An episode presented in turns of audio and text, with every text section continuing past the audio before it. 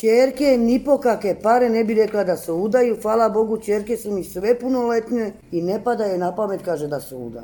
Je slušala je moju priču kako sam preživila, kako sam je, sve sam je pričala. Kako sam bila matretirana, kako, kako sam dobivala da jedem, kako me sve krva tukla, kako sam morala da čistim, da radim, za svija. Ja sam stajala na noge dok oni jedu hleb, ja sam dvorila, nija, ako za mene ostane jedem, ako ne ostane i ne jedem.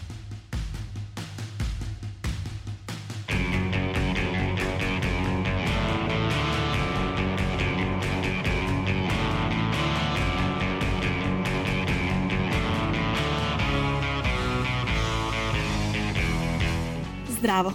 Slušate 53. epizodu podcasta Reaguj, nezavisnog društva novinara Vojvodine. Moje ime je Iva Gajić, a na ovoj epizodi radile su i Sanja Kosović, Nemanja Stevanović, Sanja Đorđević i Irena Čučković. U ovo nedeljnoj epizodi govorit ćemo o maloletnim brakovima, položaju žena i devojaka unutar njih, ali i primerima ovakvih brakova. Na poslednjoj radionici koju svakog meseca organizuje Forum Roma Srbije, a sa pripadnicama romske nacionalnosti, prisustovali smo i mi. Glavna tema sastanka bili su maloletni brakovi u romskoj kulturi. Kako učesnice radionice objašnjavaju, najčešće devojke pobegnu od kuće kako bi se udale, jer im roditelji u tom trenutku to ne dozvoljavaju. Kako kažu pripadnice romske nacionalnosti, danas je to mnogo manje zastupljeno nego ranije, ali se ipak dešava i su suviše često. Iako je nekada bilo normalno udati se sa 12 ili 13 godina, danas se ta granica malo pomerila, te devojke češće beže sa 15 ili 16 godina. Kada se ipak desi da čerke pobegnu, roditelji nekada ne znaju gde se one nalaze i po nekoliko meseci, te ne mogu biti sigurni šta se desilo sa njima.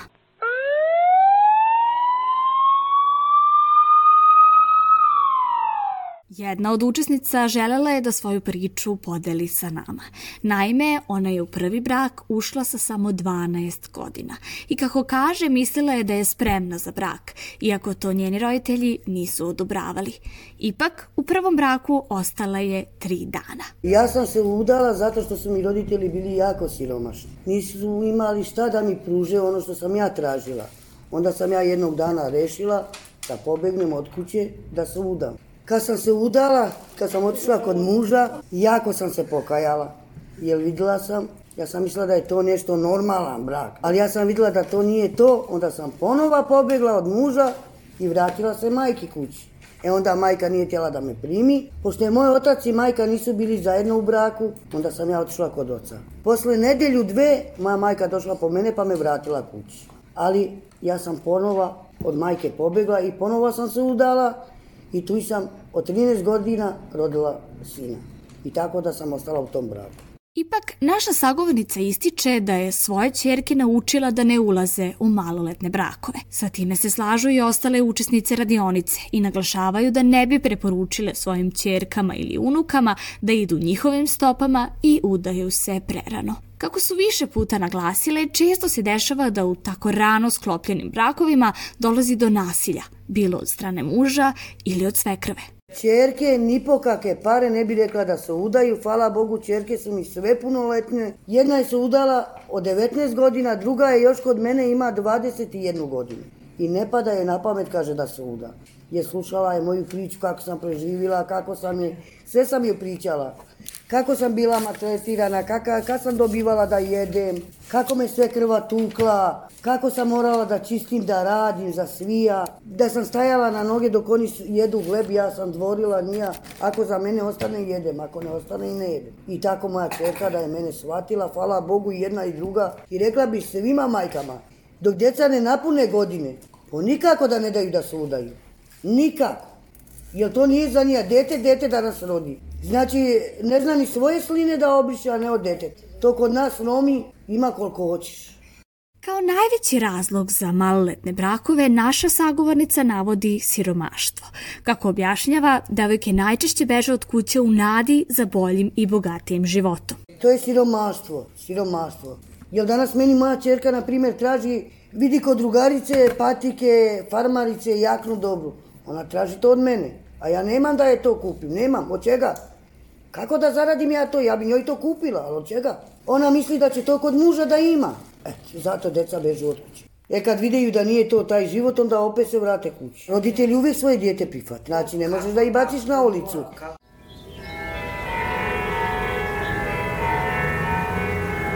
Ipak, suprotno onome što kažu učesnice radionice, da se najčešće za maloletne brakove devojke odlučuju samostalno, Sanja ti si naišla na drugačije mišljenje. Nada Đuričković iz Romskog centra za žene i decu daje kaže da su maloletnički brakovi najčešće ugovoreni od strane roditelja. Zamislite devojčicu 13, 14, pa i 16, 17 godina, koja je samo ovako uzeta i preseljena u drugu porodicu. Ukradeno detinstvo, oteto sve, mašta, sva, sve završeno, plan, ako je želela nešto da bude u životu. Ona je sad tamo za sve potrebe domaćinstva. Odjednom ona mora da zna i da, što oni kažu, čisti, mezi, čuva drugu tu neku decu. Mislim, decu je čuvala i u svojoj porodici, mlađu. I odjednom je ona sada tu neka domaćica, jel, koliko god da ima godina. Baš zbog toga prve bračne noći u maloletničkim brakovima ženske romske organizacije smatraju silovanjem, napominje Đuričković. Najveći problem je što lokalna zajednica i nadležni organi na takve slučajeve uglavnom gledaju kao na tradiciju. Ono što je nama najvažnije i smatramo to da je ta prva bračna noć u stvari silovanje, jer dete koje nije punoletno ne može da da pristanak, pošto tu nema venčanja da se razumemo, to nije pravno regulisano. To je samo odvedeno dete iz jedne porodice u drugu, ona pravno ne može ni da da pristanak ni na seksualni odnos ni na odvođenje iz jedne porodice u drugu. Tako da mi to podvodimo kao silovanje. Prva bračna noć je jednako silovanje. I mislim da bi i društvo tako trebalo da se odnosi prema tome. I policija i centri za socijalni rad prvenstveno. Međutim, imamo problem da se ta lokalna zajednica ili ti ljudi koji mogu da donesu neke odluke, e, to smatraju kad su Romkinje u pitanju i Romi, da je to tako tradicija, da to tako, eto, neće oni u to da se mešaju, kao da može to da bude izvan zakona. Dečiji brak predstavlja problematičnu praksu gde dete stupa u bračnu zajednicu sa drugim detetom ili odraslom osobom. Iako je u Srbiji ova pojava zabranjena i kažnjiva, nažalost još uvek postoji veliki broj dece koje stupaju u brakove. Oni se u Srbiji uglavnom posmatraju kroz prizmu romske kulture i tradicije, a studentkinja Danica Gećinović pripremila je radio prilog za podcast Reaguj na ovu temu.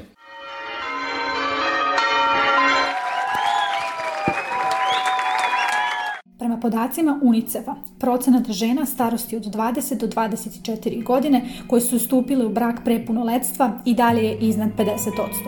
Siromaštvo, kulturološke i društvene norme, rodno zasnovana diskriminacija, nedostatak ili loš kvalitet obrazovanja povećavaju šanse ranog stupanja u brak. Jelena Petrović iz Centra za prava deteta smatra da će odgovor na pitanje o glavnim pokretačima dečijih brakova zavisiti od onoga kome je upućeno te da će se većina pozvati na romsku tradiciju. Ulazak u deči brak je ulazak u krug siromaštva, iako se u njega ulazi u želji da se iz istog pobegne. Devojčica koja je stupila u brak je rekla da svom partneru, bilo svojom ili voljom svojih roditelja, ali ujedno je rekla i ne svom ličnom razvoju. Ulazak u deči brak je izlazak iz detinstva i gotovo uvek napuštanje šansi za dalje obrazovanje i lično napredovanje koje za krajnji ishod ima zavisnost žene od muškarca, u ovom slučaju muža, koja često ide u kombinaciji sa visokim rizikom od nasilja u porodici. Dakle, glavni uzrok i pokretač dečijih brakova je siromaštvo, a ne tradicija. A šta kaže porodični zakon? Vrlo jasno se navodi da brak ne može sklopiti lice koje nije punoletno, ali u stav da sud može iz opravdanih razloga dozvoliti sklapanje braka maloletnom licu koje je navršilo 16. godinu. Posledice dečijih brakova uključuju prekinuto detinstvo i napuštanje škole, niži nivo obrazovanja, siromaštvo, zdravstvene rizike, nasilje. Pomak na polju prevencije i eliminacije dečijih brakova je poslednjih godina vidljiv, smatra Jelena Petrović iz Centra za prava deteta. U februaru 2019. godine osnovana je nacionalna koalicija za okončanje dečjih brakova i to na inicijativu Koordinacijonog tela za rodnu ravnopravnost i UNICEF. Potrebne su dodatne edukacije, kako romske populacije, tako čitavog društva, kampanje podizanja svesti, ali i izmene porodičnog zakona u delu kome se maloletnom licu od 16 godina dozvoljava sklapanje braka, kao i sistemsko vođenje evidencije u slučajevima dečijeg braka. Dečiji brak predstavlja društveni problem, te mu kao takvom treba i pristupiti. Nadležne institucije, poput centara za socijalni rad, škola, zdravstvenih ustanova, policije, tužilaštava i sudova, dužne su da, u skladu sa svojim ovlašćenjima, reaguju u cilju prevencije i eliminacije maloletničkih brakova. Da bi se ono sagledalo kao grubo kršenje prava deteta, doprineće zajedničko delovanje i konstantno podizanje svesti o štetnim posledicama koje dečiji brak donosi.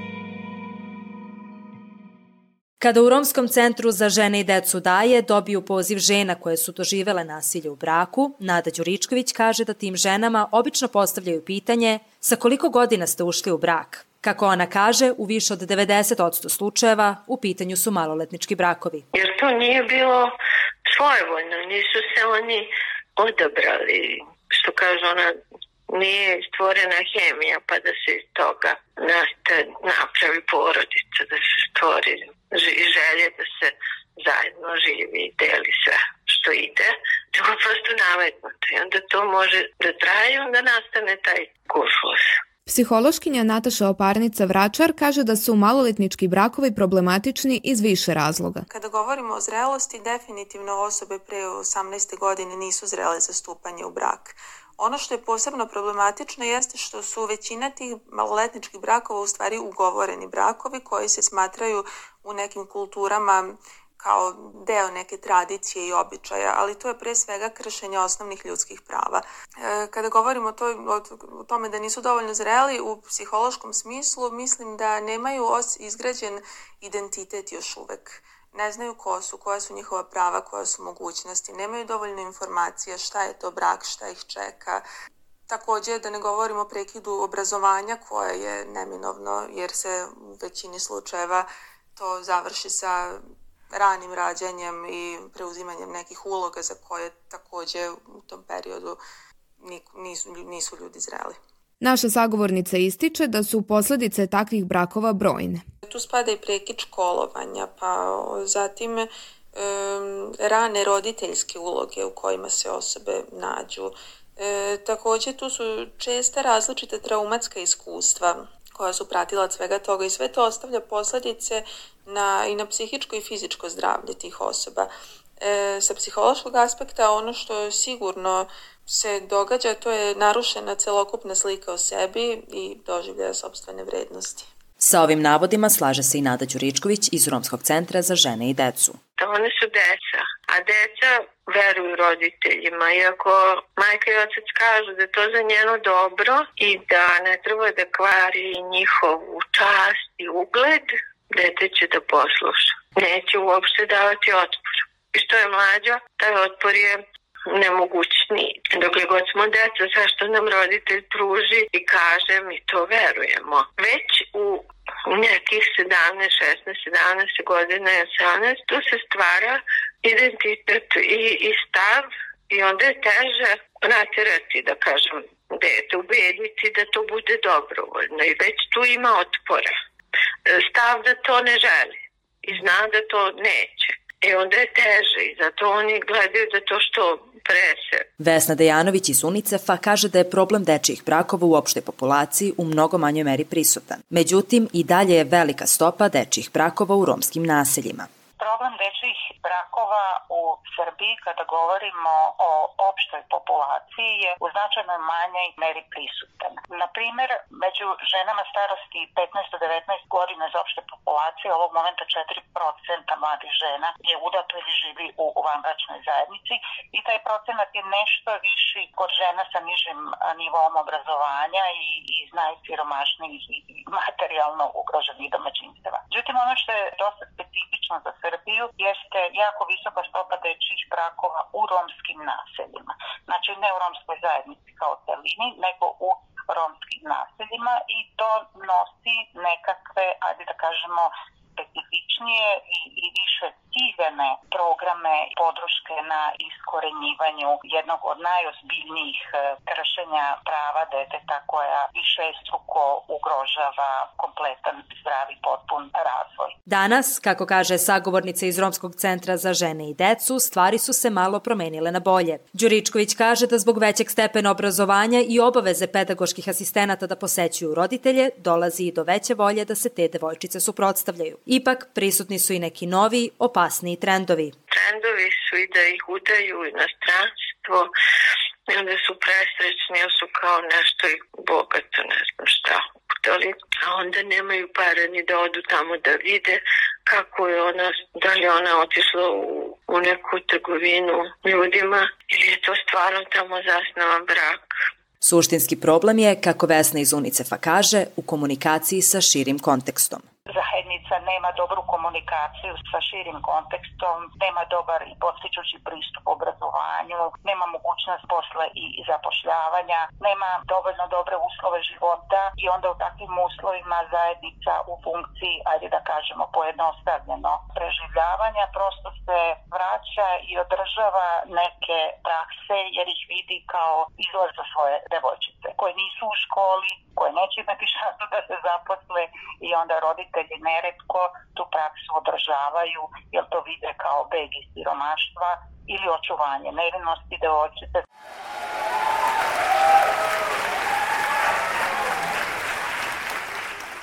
Zanimljiv primer borbe protiv maloletnih brakova predstavlja i band Pretty Loud, koji postoji od 2014. godine i okuplja šest mladih romkinja iz Beograda i šest iz Niša. Kako kaže njihova članica Zlata Ristić za podcast Reaguj, kao mlade okupile su se sa željom da repuju i plešu, ali su se vremenom ohrabrile da teme njihovih pesama budu problemi sa kojima se mlade romkinje suočavaju – Jedan od problema kojima se bave, kao što smo rekli, jeste i maloletnički brak, za koji postoji predrasuda da je to romska tradicija. Članice benda Pretty Loud u poslednje vreme se bore kroz muziku i protiv ove pojave, a Zlata Ristić navodi da je i sama, doduše svojevoljno, stupila u rani brak, ali da želi da na svom primeru pokaže devojčicama da je to greška, jer treba da se fokusiraju na obrazovanje i sticanje materijalne sigurnosti, pa tek onda na osnivanje porodice. U grupi su samo romkinje i poznato je da kad god se spomenu e, Romi, onda se spominje i ti rani brakovi. I negde pričaju da je to tradicija, što nije istina, ljudi nisu upućeni i samo tako pričaju neke stvari, imaju predrasude koje naravno nisu tačne. Ja sam primer ranog braka, s tim da me niko nije naterao, nego sam ja u tim godinama odlučila i mislila da je tako najbolje za mene ali to je moj primer. Postoji primer da roditelji odluče umesto devojčica da se udaju rano, jer postoje razni Romi, nismo svi isti, svi imamo svoje neke običaje, negde to postoji i, i naša odluka je da promenimo to jer se jedna devojka iz grupe udala protiv njene volje i mi smo napisali pesmu čak e, za nju. I ne mi se ne bavimo samo ranim brakovima, imamo tu još drugih tema, ali to je onako podjednako važna i ja bi isto voljela da se to promeni jer ja smatram da sam negde pogrešila i ne bi voljela da ostale greše, nebitno da li je romkinja ili ko već, to se dešava sada svuda. Kako su u poslednje vreme u žiži interesovanja javnosti i medija, članice ovog benda dobijaju poruke mladih romkinja. Uglavnom se javljaju sa porukom da su ih članice benda ohrabrile da se suprotstave maloletničkom braku. Iskreno smatram da smo uspele negde jer nam se mnoge devojčice javljaju i daju primer zato što mi konstantno govorimo da treba da završe školu, da budu samostalne, da imaju svoj posao, pa tek onda porodica i onda se javljaju sa tim da oni ne žele da se udaju rano. Sada se to i kod roditelja promenilo, nije kao pre, ali devojke sada donose odluke da žele da završe školu, pa kasnije tek da, da se udaju. Tako da imamo te primere da nam se javljaju i da cene to što pričamo i što im govorimo da ne treba tako. Kako u svakoj epizodi našeg podcasta tražimo rešenja, ovog puta predstavljamo i jedno zanimljivije. Zlata i ostale članice benda Pretty Loud nemaju sumnje da preko muzike može doći do promene.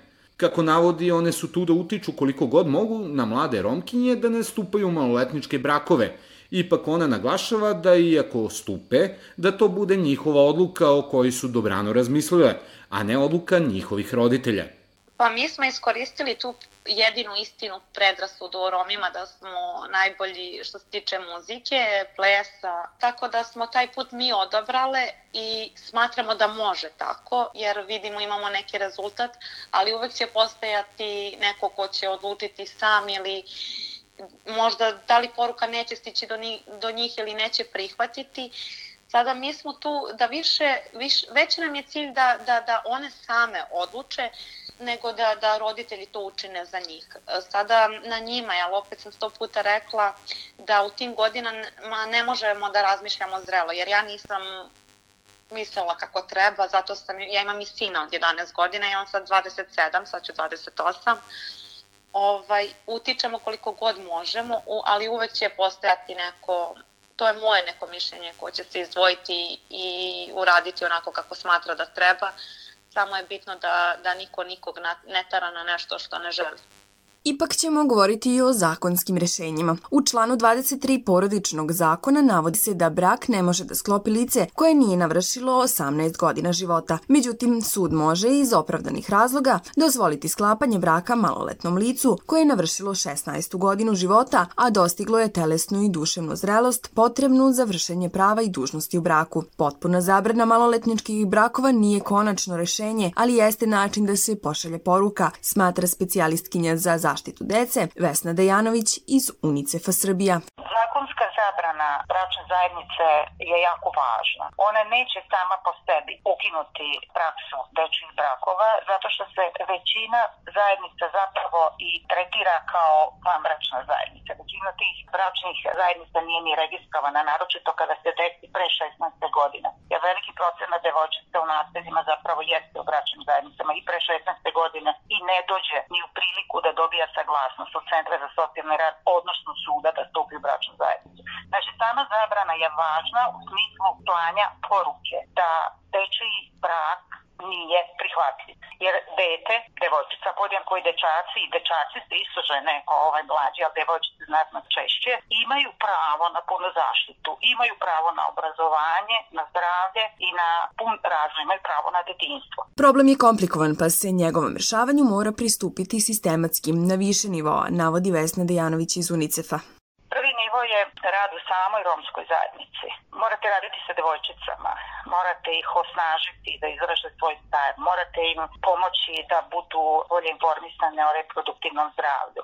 Treba da radite sa majkama i da ih ohrabrite, da postiču svoje devojčice da biraju neke druge stvari, da imaju motivaciju da napreduju. Treba da radite sa muškarcima u romskoj zajednici koji su jako značajni u oblikovanju i menjanju tog modela ponašanja. Znači, celu romsku zajednicu treba uključiti u tu diskusiju i razumevanje drugih i boljih opcija i razumevanje da deči brak, iako neretko od strane roditelja postican s uverenjem da čine dobro, da to nije dobro za njihove devojčice i dečake takođe.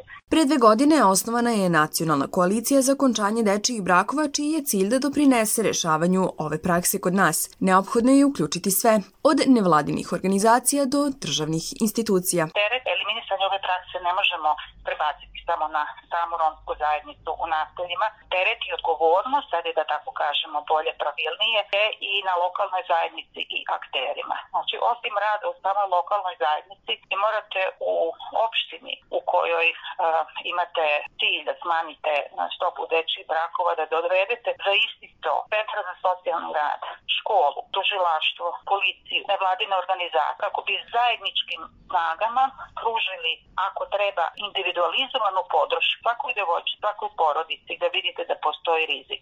Da škola intenzivnije radi sa tom devojčicom i porodicom da je stimuliše da ostane u sistemu obrazovanja. Da centar za socijalni rad intenzivnije prati tu porodicu, da je i finansijski pomogne ako je potrebno da se ta porodica i ta deca uključuju što je više moguće aktivnosti u samoj zajednici kao i sva druga deca a da s druge strane policija i tužilaštvo rade svoj deo posla onog trenutka ako se deči brak desi. To je sve u svojoj osnovni sastavni deo prevencije zaštite dece od nasilja. Deči brak je zapravo forma nasilja i Srbija te mehanizme ima, samo treba da ih intenzivnije i konzistentnije koristi i da im pristupi kao nečemu što nije tamo neka praksa, tamo neka kultura u romskoj zajednici koja ne može da se menja, može da se menja.